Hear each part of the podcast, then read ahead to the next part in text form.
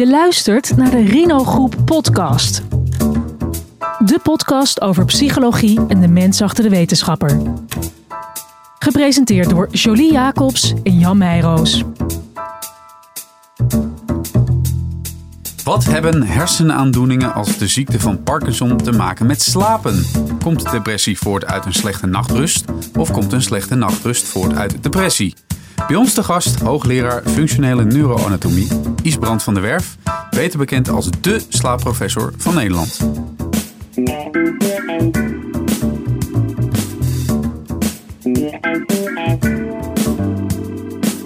Isbrand, welkom. Om maar uh, meteen met de deur in huis te vallen. Hoe heb je eigenlijk vannacht geslapen en waar heb je nog over gedroomd?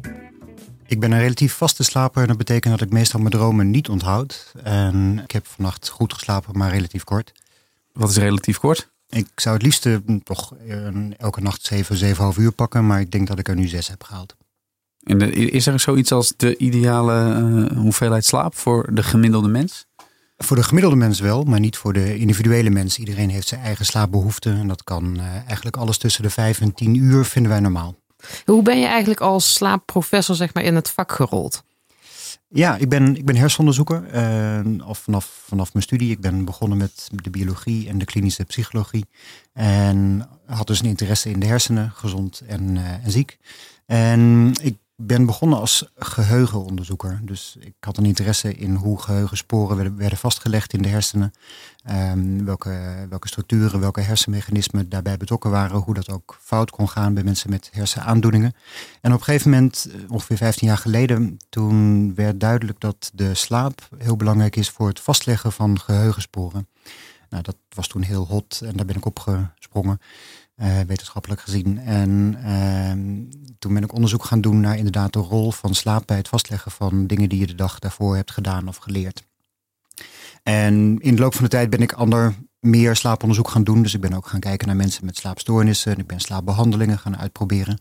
Uh, en in de loop van de afgelopen 15 jaar ben ik denk ik van een geheugenonderzoeker een slaaponderzoeker geworden. Wat gebeurt er nou met de hersenen tijdens het slapen? Een aantal dingen. Um, we hebben eigenlijk twee soorten slaap. Dat is meteen belangrijk om, uh, om, om duidelijk te maken. We hebben de, de niet-remslaap, dat is de lichte en de diepe slaap, en de remslaap. En dat zijn twee hele aparte slaapsoorten die compleet anders gereguleerd worden door de hersenen. En uh, die komen allebei voor tijdens de nacht in een soort afwisseling. En uh, hebben ieder hun eigen mechanisme in verschillende hersenonderdelen. En, en dat, dat heeft ongetwijfeld een functie, die slaapcyclus.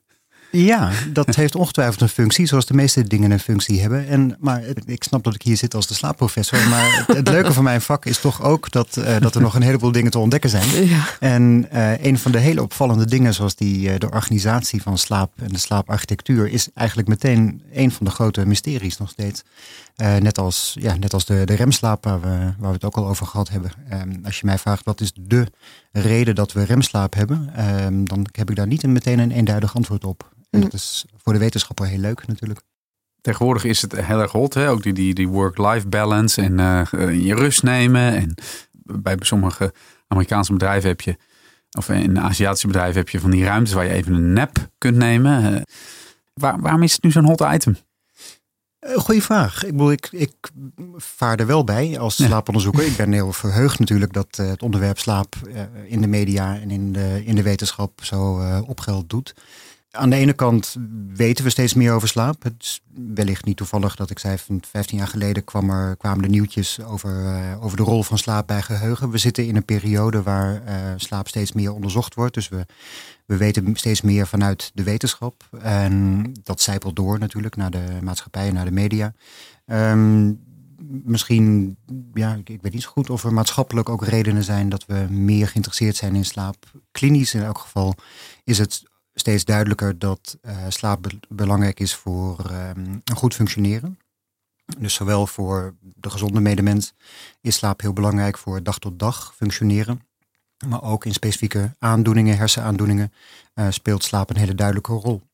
En dat is met name dus voor de psychiatrische en neurologische aandoeningen. Jij had het net over populariteit eigenlijk van het uh, slaaponderzoek. Maar ik las ook in een interview dat u ergens zei van, nou ja, ondanks die populariteit wordt slaap nog steeds wel echt onderschat. En eh, slaap is de hartslag van de hersenen, zei u ergens. Ja. Ehm, wat bedoelt u dan daarmee? Dat je het beste functioneert als je inderdaad een hele regelmatige slaap hebt. De beste slaap zou eigenlijk zijn dat je iedere dag op dezelfde tijd naar bed gaat. Iedere dag op dezelfde tijd uit bed komt, ook in het weekend. En ehm, dat je daarmee zorgt dat je slaap eh, hetzelfde is van dag tot dag, regelmatig. En daarmee uh, zorg je ervoor dat hersenprocessen zoals we die aan het begin genoemd hebben, dus ehm, het schoonmaken van de hersenen, het vastleggen van geheugen, het uh, verwerken van emoties, dat het allemaal optimaal gebeurt. Want anders? Want anders bestaat de mogelijkheid dat dingen ontregelen. En is het dan ook zo, stel dat je een keer uh, wat later naar bed gaat, is het dan toch verstandig om je vaste opsta-tijd aan te houden? Of moet je dan zeg maar juist bijslapen? Hangt er een beetje vanaf of je een goede of een slechte slaper bent. Als je een, een kwetsbare slaper bent, dan zou ik zeggen, hou altijd die vaste wekkertijd aan. Want zorg daarmee dat je biologische klok optimaal ge, gesynchroniseerd blijft. Dus ook als je een keer uh, besluit uit te gaan of een feestje bij de buren hebt of wat dan ook, dan uh, kun je prima later naar bed. Maar zorg dan dat je dezelfde wekkertijd hebt als altijd. Dan blijf je in het ritme. Ik heb begrepen dat slecht slapen ook in verband wordt gebracht met depressie. Maar eh, hoe zit dat nou? Ik bedoel, word je depressief van slecht slapen of is het juist andersom? Allebei, maar um, de sterkste relatie is, interessant genoeg, tussen um, slecht slapen en daarvan depressief worden. Dus um, een heel leuk onderzoek van een aantal jaar geleden, nou leuk is het woord wellicht niet, maar in ieder geval voor de wetenschapper heel interessant, is dat er prospectief onderzoek gedaan is waarbij ze mensen hebben ondervraagd over hun uh, slaappatronen en hun stemming en over die een aantal jaren later weer. En dan blijkt dat slecht slapen uh, vooruit loopt op het hebben van een depressie. En dat die relatie sterker is dan dat, dan dat je van depressie slecht gaat slapen. Maar zou je het dan kunnen voorkomen door goed te slapen? Dat is natuurlijk de hele spannende conclusie en de hele ja. spannende gedachte van als we in staat zouden zijn om mensen beter te laten slapen, gezonder te laten slapen, eh, voorkomen we dan inderdaad eh, het optreden van depressie. Kunnen we slaap inzetten in de maatschappij als een soort preventieve maatregel. En de hele gedachte van preventie uh, in de gezondheidszorg is natuurlijk helemaal, ja. helemaal bon ton. En slapen hoort er absoluut bij. Nou, doe je, uh, er is er ook heel veel onderzoek naar slaap- en hersenaandoeningen. in dat verlengde natuurlijk. Wat, wat, wat, wat heeft dat met elkaar te maken dan? Hoe zou je dat kunnen duiden? Ja, als we het hebben over hersenaandoeningen, dan bedoel ik de psychiatrische en de neurologische ziektebeelden. Dus de, de depressie waar we het net over hadden, de, de angst, de posttraumatische stressstoornis, de bipolaire stoornis, ADHD. Je kunt eigenlijk geen psychiatrische stoornis opnoemen waar niet ook de slaap verstoord is. Um, en aan de andere kant de neurologische ziektebeelden, de Parkinson, de Alzheimer, de MS. Uh, ook daar wordt heel slecht geslapen. En je kunt je voorstellen dat als je al een hersenziekte hebt, dan ben je natuurlijk uh, al kwetsbaar. Je bent niet optimaal. Als je dan daarbovenop ook nog eens slecht gaat slapen, ja, dan wordt het er niet beter van. Nee. Um, en dat idee kun je wellicht ook omdraaien en zeggen van, nou ja, stel als je een hersenaandoening hebt en je laat die mensen beter slapen, optimaal slapen, kun je ze dan wellicht binnen de grenzen van hun mogelijkheden optimaliseren. Kijk, we gaan niet uh, Parkinson genezen door mensen te laten slapen. We gaan niet uh, Alzheimer oplossen met, met, uh, met de wekker. maar je kunt wellicht toch de kwaliteit van leven beter maken in dat soort ziektebeelden door mensen in ieder geval optimaal te laten slapen. Op dit moment doe je ook onderzoek naar één bepaalde slaapstoornis bij de ziekte van Parkinson. Om wat voor stoornis gaat het precies? Bij de ziekte van Parkinson um, is slaap een heel belangrijk onderwerp. En uh, een van de hele interessante dingen is dat er een specifieke slaapstoornis lijkt te bestaan die voorafgaat aan de ziekte van Parkinson. Dus in ongeveer 40% van de mensen um, is, als we terugkijken, is de verstoorde droomslaap uh, het eerste kenmerk geweest van de ziekte. En die kan 15, misschien wel 15 jaar vooruit lopen op het optreden van de bekende en wat, en wat bewegingsstoornis. Is dat, wat is dat dan, de verstoorde droomslaap? Ja, we noemen dat de remslaapgedragsstoornis. En dat betekent eigenlijk letterlijk dat mensen hun droom uitbeelden. Uh, dus dan zie je mensen um, terwijl ze aan het dromen zijn, zie je bewegingen maken die passen bij de inhoud van de droom. Dus bijvoorbeeld je ziet ze vechten of je ziet ze trappelen. Of um, soms zie je mensen met, met uh, bestek uh, eten. Soms zie je mensen een sigaret uittippen. Um, hele, het ziet er heel bizar uit in zekere zin, want je ziet mensen diep in slaap allerlei hele ja, toch doelgerichte bewegingen maken. Uh, het bijzondere is dat dat dat niet hoort. Uh, wij horen tijdens onze droomslaap verlamd te zijn. In ieder geval vanaf de nek naar beneden. Alles behalve de ogen, zou je kunnen zeggen. En dat is misschien maar goed ook, want tijdens de droomslaap, als je een hele heftige droom zou hebben, dat je nou ja, vecht of danst of uh, rent. Of in een ravijn springt. Of zoiets, ja, dan zou je toch jezelf behoorlijk kunnen beschadigen of je bedpartner. Dus om die reden heeft de natuur ervoor gezorgd dat wij tijdens de droomslaap eigenlijk verlamd zijn. En zoals dat wel vaker gaat, is er dan natuurlijk eh, specifiek één ziekte die, uh, die precies dat doet. Namelijk uh, wel bewegen tijdens de droomslaap. En dan zie je dus inderdaad dat soort gedragingen optreden. En, en hoe onderzoek je dat dan? Dan moet je dan bij wijze van spreken echt al mensen in een soort laboratoriumopstelling gaan slapen en die gaan filmen dan of zo? Of? Dat kan, ja. ja, uh, dit is een onderzoek dat ik uh, aan het opzetten ben. We zijn bezig om te kijken of we in Nederland een cohort mensen kunnen gaan volgen die deze specifieke slaapstoornis hebben. Om te kijken natuurlijk wat hun kwetsbaarheid is voor het optreden van de ziekte van Parkinson. En of we wellicht daar ook een early marker hebben voor, uh, voor die ziekte. Met alle mogelijkheden, behandelingen van dien. En uh, je zoekt die mensen in eerste instantie gewoon door zelfrapportage. Vaak weet de partner het beste um, of die wel of niet een schop heeft gekregen tijdens de nacht. En uh, als die mensen, als je die dus inderdaad goed kunt diagnosticeren, dat zal dan inderdaad moeten met plakkers op het hoofd, het EEG um, en al of niet videoregistratie. Dan kun je die mensen als groep gaan vervolgen. Dat is wat we van plan zijn. En dan ben je dus erbij als ze gaan slapen. Dus dat, dat onderzoek moet dan s'nachts plaatsvinden. Ja, je kunt een aantal dingen doen. Uh, je kunt mensen uitnodigen in het slaaplab en dan inderdaad in uh, een van onze slaapcabines uh, of slaapkamers laten slapen. Um, dat is natuurlijk wel een beetje intrusief. Um, dus we zijn aan het kijken of met moderne methoden dat je iemand gewoon een, een apparaat mee naar huis kan geven. een draagbaar EEG-setje. Of je daarmee wellicht ook net zo goed de diagnose zou kunnen stellen. Ja, het is, ik dacht meteen een beetje flauw. Want dan voor die wetenschappers, die krijgen dan ook weer een, een onderbroken slaappatroon. Want die moeten dan s'nachts onderzoek doen. Ja, de paradox is dat je als slaaponderzoeker zelf uh, vaak inlevert op je eigen slaap. Ja, inderdaad. Ja, nou, maar met, met zo'n met zo'n moderne apparatuur of met, huidige apparatuur kun je al heel veel resultaten uh, binnenhalen. Zeker, ja. Die uh, ontwikkeling die gaat heel snel. Uh, we zeiden net ook al dat uh, slaap zit in de lift, zowel wetenschappelijk als in de algemene belangstelling. En een gevolg daarvan is dat natuurlijk de industrie daar ook opgesprongen is. Dus we hebben tegenwoordig steeds meer mogelijkheden om de slaap ehm, zelf te meten. En ook om, om buiten het lab die slaap op een betrouwbare manier te kunnen meten. Maar is het dan dus ook al duidelijk dat het een vroege marker is van de ziekte van Parkinson? Ja, ja, dat is nu denk ik acht jaar geleden kwam daar een, uh, een eerste publicatie over. Mm -hmm. En uh, daar werd onomstotelijk vastgesteld dat uh, als je ehm, wat wij noemen idiopathische RBD hebt, dus de, die rems, die niet verklaard kan worden door andere lichamelijke uh, oorzaken, maar gewoon een op zichzelf staande ziekte is, dat je dan eigenlijk zit te kijken naar de voorloper van de ziekte van Parkinson. En dat je, als je lang genoeg wacht, 15 jaar, dat 95% van, de, van die mensen inmiddels al de ziekte van Parkinson heeft. Is er dan ook uh, reden om aan te nemen uh, dat je die ziekte dus eerder kan behandelen, zeg maar vanaf die 15 jaar daaraan voorafgaand? Dat is natuurlijk de hele spannende gedachte van als je hem 10, 15 jaar van tevoren al kunt, uh, kunt traceren, ja. um, kun je dan nog ingrijpen op een moment dat die, de, de hele vervelende bewegingsstoornissen, de starheid, de stijfheid, de trillen, dat die nog niet opgetreden zijn, uh, kun je dan uh, langs medicamenteuze of, of niet medicamenteuze weg ingrijpen. Uh, de ziekte daarmee stilleggen of vertragen. Dat is natuurlijk een hele spannende gedachte, want de ziekte van Parkinson is nog steeds een hele vervelende ziekte met een hele nare, lange, slepende afloop. Ja, maar daar, daar is dus nog geen antwoord op. Daar is nog geen antwoord op. Nee, nee er wordt internationaal uh, heel veel onderzoek naar gedaan. Dus in vele landen bestaat zo'n cohort van mensen met die remslaapstoornis die gevolgd wordt. En ik, uh, ik heb vanuit, vanuit het Nederlandse slaaponderzoek uh, contact gezocht met die internationale werkgroep. En we gaan kijken of we in Nederland ook aan dat onderzoek kunnen aanhaken. En of we hier ook zo'n cohort kunnen opzetten. Wat is nou het meest spannende? Want het vraagt me af. Wat is het meest spannende aan dit onderzoek doen?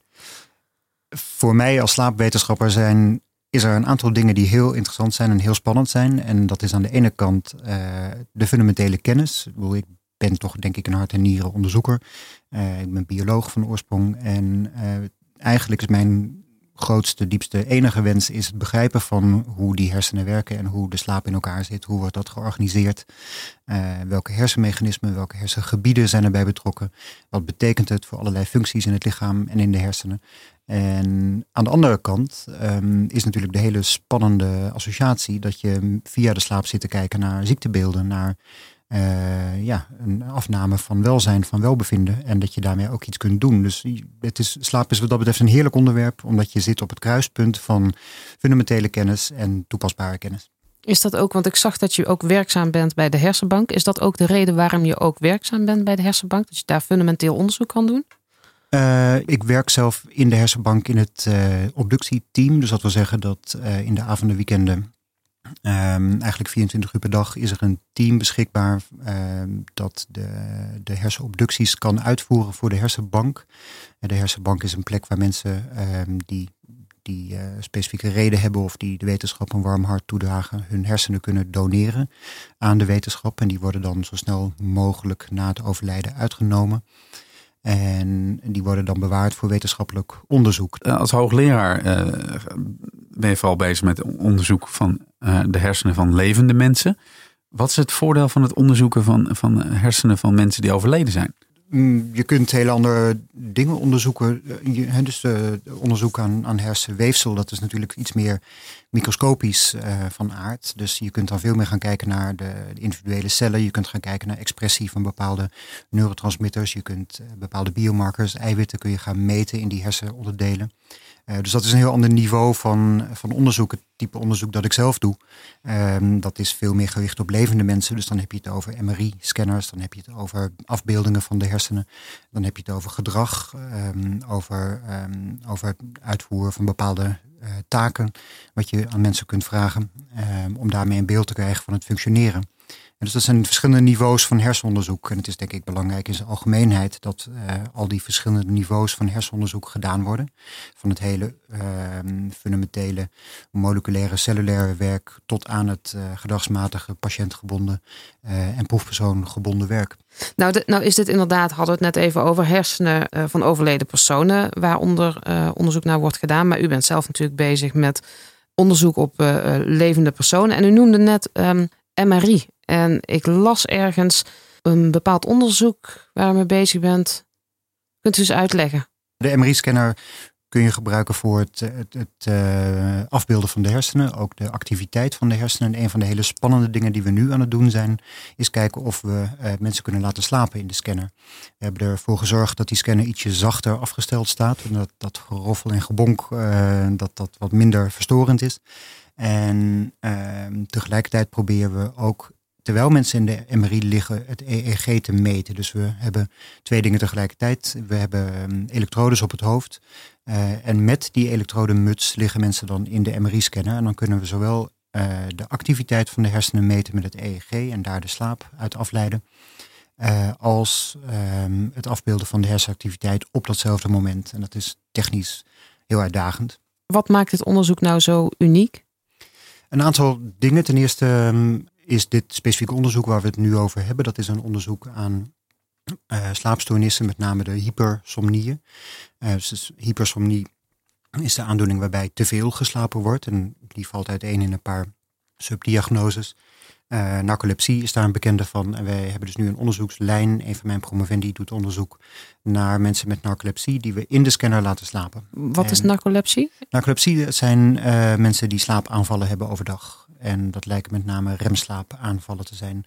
Heel verstorend, uh, want ja, je hebt daarmee toch last van je dagelijks leven. Dat je minder goed functioneert als je om de havenklap in slaap valt. En wat is het wat u dan wil aantonen met die MRI? En, en, en die EEG, want het is combinatie ja. dus. Ja, ja de, de, combinatie van die twee. En dat is een technische um, uh, ontwikkeling die we, die we aan het uitproberen zijn. Uh, dat, is, dat is technisch en fundamenteel heel spannend voor, voor de wetenschapper. Um, willen we eigenlijk als een van de eerste groepen in de wereld kijken naar wat er nou in de hersenen gebeurt van mensen die zo'n slaapstoornis hebben. En uh, we willen dan gaan kijken naar verschillende soorten van die, uh, die aandoening hypersomnie. We doen dat in samenwerking met een centrum in Canada, in Montreal. omdat die, die patiënten best zeldzaam zijn. En met die twee laboratoria gaan we proberen om een grote groep van die mensen bij elkaar te krijgen. En daarmee een beter beeld te krijgen van deze behoorlijk verstorende aandoening. Nee, het, kan ook, het kan ook echt gevaar, gevaar zijn. Als je, ik noem maar wat, een, een buschauffeur of een, mensen, een taxichauffeur of mensen die een chirurg die een, een, operatie aan het eh, uitvoeren is, dat is natuurlijk echt uh, enorm risico. Absoluut. En dat geldt voor deze slaapstoornis, maar dat geldt eigenlijk voor alle slaapstoornissen. Dat geldt bijvoorbeeld ook voor mensen die uh, nachtelijke ademstops hebben. Ehm, die kunnen daardoor zo ontzettend slecht slapen dat ze overdag altijd op het punt staan om in slaap te vallen. Ehm, en dat is ook een van de, van de interessante kanten waar uh, slaapwetenschap en slaap zorg ook raakt aan de maatschappij. Want je moet je dus ook druk gaan maken over regelgeving omtrent, uh, nou ja, hoeveel ademstops mag iemand in de nacht hebben, zodat hij zijn rijbewijs nog kan houden. En dat zijn hele praktische dingen. Um, maar dat zorgt ervoor dat je, dat, dat, dat, uh, dat je met slaap in ieder geval alle kanten op kan.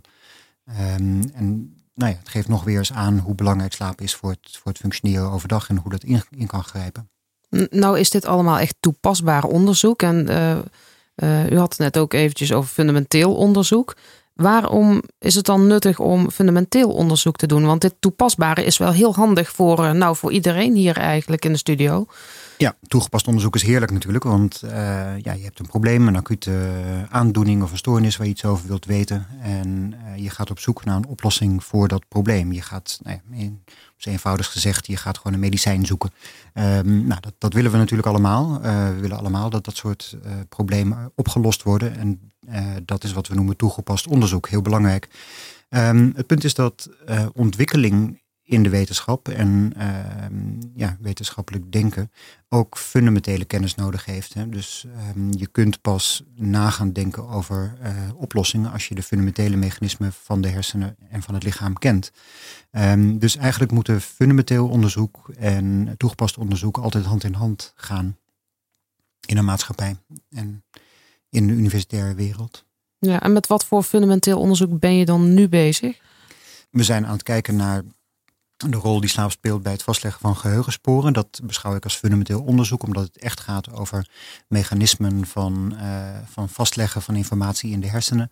Uh, we zijn aan het kijken of uh, dingen die je voor het slapen gaan geleerd hebt, of die uh, gereactiveerd worden, of die herkoud herhaald, opnieuw afgespeeld worden tijdens de slaap en dan in welke slaapstadium precies. En we gaan kijken ook of, uh, of dat proces te beïnvloeden valt. We zijn aan het kijken of je tijdens de slaap nog die informatie nog kunt manipuleren. Om te kijken of dat opslaan van geheugensporen, of dat, of dat anders kan en of je daar nog iets in kunt, in kunt wijzigen. dat, is, dat is heel fundamenteel onderzoek. Dat gaat echt over mechanismen van opslaan van informatie. Um, en daar klopt mijn uh, fundamenteel wetenschappelijke hart natuurlijk uh, wat harder van. Um, en tegelijkertijd uh, is, het, is het fantastisch om dat te kunnen combineren met, met onderzoek naar slaapaandoeningen. En, en, wat zou de impact kunnen zijn van, van dit huidige fundamentele onderzoek? Ja, dat is altijd de vraag. Mensen vragen altijd aan, aan onderzoekers van um, wat hoop je nou te vinden? En wat, um, wanneer ben je nou klaar? En wanneer heb je een oplossing? Nooit waarschijnlijk. En de, het antwoord is inderdaad nooit. Um, en dat is, dat is ook het fundamentele aspect van de wetenschap. Je doet wetenschap uitsluitend eigenlijk voor kennis. en niet om een specifiek probleem op te lossen. Althans, de fundamentele onderzoek doe je voor kennisvermeerdering. En dat die kennis wellicht later gebruikt kan worden, is super. Um, en het is fantastisch als, als je nu een fundamenteel mechanisme ontdekt wat over 10, 20 jaar uh, toegepast blijkt te kunnen worden. En dat is alleen maar mooi. Um, maar uiteindelijk is de enige echte drijfveer van de wetenschap is kennisvermeerdering. En die hoeft niet meteen toepasbaar te zijn. Nou, uh, dat is best wel een, eh, een, op zich een discussie uh, op zich waard. Ik ben het er eigenlijk wel mee eens, maar ik denk dat uh, tegenwoordig moet alles bijna praktisch zijn in de huidige maatschappij. Maar ja. dat zijn, nou ja, je hebt de kosten te verantwoorden, dus ja.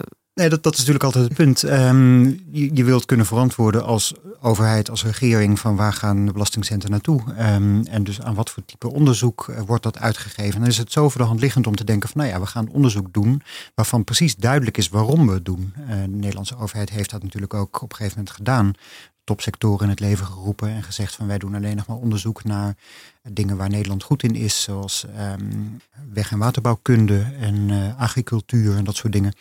En dat is fantastisch. Uh, dat is onderzoek dat moet gebeuren. Um, het punt is alleen dat als je als de hele wereld zou besluiten, we gaan alleen nog maar onderzoek doen naar hele acute dingen, naar, um, naar het oplossen van ziektebeelden, naar het beter laten groeien van, uh, gewassen. Van, van, gewassen, dat soort dingen, dan komt natuurlijk na 10, 20 jaar de wetenschap wel tot een piepend knarsend halt. Um, omdat de fundamentele kennis niet, uh, niet vergroot wordt. En eh, het is toch altijd zo gebleken en geweest dat um, op basis van fundamentele kennis, waarvan mensen op dat moment wellicht nog niet eens wisten waar het voor was, uh, dat in de toekomst allerlei interessante nieuwe toepassingen gevonden zijn. Zoals? Ik kan daar een paar voorbeelden van noemen. Mijn favoriete voorbeeld is eigenlijk altijd de MRI-scanner. Dat is gebaseerd op fundamenteel kernspinresonantieonderzoek uit het midden van de vorige eeuw. Uh, jaren 40, 50, uh, toen mensen als uh, nou ja, Niels Bohr en eerder al Einstein het hadden over de echte de, de bouwstenen van de, van de natuur en de bouwstenen van de atomen, waar het bestaan nou de kleinste deeltjes. Um, dat werd onderzocht met, met kernspinresonantie, waar hele grote apparatuur voor gebouwd werd. Um, 50 jaar later blijkt dat die kernspinresonantie gewoon de basis is van het signaal dat wij in de MRI meten. En het feit dat wij nu op iedere straathoek een MRI-scanner hebben staan, um, is uitsluitend te danken aan het feit dat in de jaren 50 mensen bezig waren met uiterst fundamentele en wellicht uiterst obscure um, kernspinresonantiefenomenen.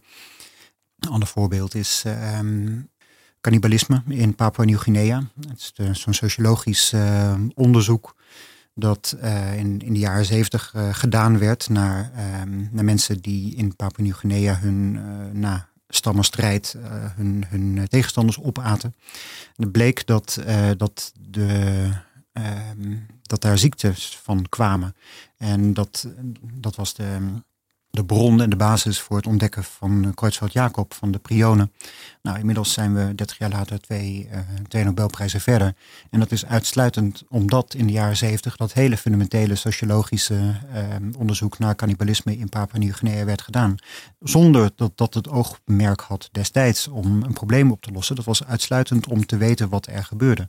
Um, en, en wisten zij veel dat ze, dat ze later um, compleet nieuwe ziektebeeld zouden kunnen beschrijven en, en wellicht voorkomen. En het onderzoek waar u zojuist uh, het over had, het fundamentele onderzoek. Is er een mogelijkheid om nu al te voorzien welke richting dat uiteindelijk op kan gaan?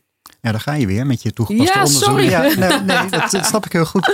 Want um, ja, je wilt eigenlijk toch altijd wel weten waarom je iets doet. Ja. Um, nou, ik kan van alle, allerlei toepassingen verzinnen natuurlijk. Mhm. Hè. Dus ik, ik, zou heel graag mensen beter willen laten slapen in, in zijn algemeenheid om daarmee het welzijn te bevorderen. Ik zou daarmee een bijdrage willen leveren aan preventie van allerlei ziektebeelden, met name natuurlijk de, de psychiatrische ziektebeelden, maar ook een uh, beter verloop van de neurologische ziektebeelden. Uh, ik zou sowieso mensen gelukkiger willen laten uh, zijn door, door ze beter te laten slapen. Maar mijn belangrijkste drijfveer is dat ik wil weten hoe het werkt. Ja. Uh, dus hoe komt het nou dat we die mooie afwisseling hebben van die slaapstadia? Uh, waarom hebben we die remslaap? Waarom dromen we eigenlijk? Dat zijn allemaal vragen die zo voor de hand liggend zijn, maar waar we als wetenschap nog steeds niet de goede antwoorden voor hebben. En als het nou één onderzoeksvraag zou zijn waar je de rest van je leven mee bezig Is dat dan dit? zou mogen houden? Wat is dat dan? Dat, dat, De ultieme onderzoeksvraag. De, de ultieme onderzoeksvraag. Um, ja, hoe, hoe diep mag ik gaan? Nou ja, uh, Ja. de- ga je gang.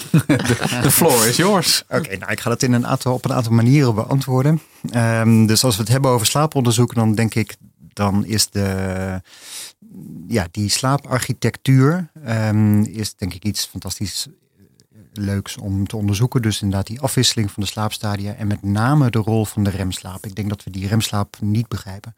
Ehm, ik denk niet dat we weten waarom het zo belangrijk is dat wij een fase hebben waarin we van die hele beeldende dromen hebben. Ehm, dus als ik dat zou kunnen oplossen in de 20, 30, 40 jaar die ik nog aan werkzame onderzoeksjaren voor me heb, zou ik heel gelukkig worden. Maar ik denk als je, als je echt soort van in mijn diepste ziel zou kijken, ehm, dan is het, probleem wat ik zou willen oplossen of wat ik zou willen begrijpen, is hoe je met hersenen, die toch bestaan uit anderhalf kilo, een beetje nattige, nattige blubberende massa. Ehm, hoe je in staat bent om daar ideeën en gedachten mee te genereren. Ik bedoel, we hebben het over materie, we hebben het over een, uh, een klomp uh, massa, weefsel, um, waar hele bijzondere dingen in gebeuren. En gedachten en uh, geheugens en meningen zijn toch een beetje onstoffelijke dingen. En hoe komt het nou dat je uit die natte blubberende massa, dat daar toch een soort vonk, een soort spark, een X-factor uit omhoog komt, um, die uiteindelijk leidt tot zulke onstoffelijke dingen als gedachten. Dat is, denk ik, de overkoepelende vraag. Het is bijna, bijna, de, de, bijna, bijna, de vraag van, van het leven. Bijna. Nou ja, goed. Ja. Als je, ja, als je als die zou kunnen oplossen, dan zijn we heel, ben ik heel gelukkig aan het eind van mijn leven. Ja, en met deze meta-vraag des vragens, de moeder alle vragen, sluiten wij deze podcast af. Uh, Isbrand, bedankt voor je komst naar de studio. Dit was de Rino Groep podcast. Bedankt voor het luisteren en tot de volgende aflevering. Leuk dat je luisterde naar de Rino Groep podcast. Wil je meer informatie over de Rino Groep? Bekijk onze website rinogroep.nl. Tot de volgende aflevering.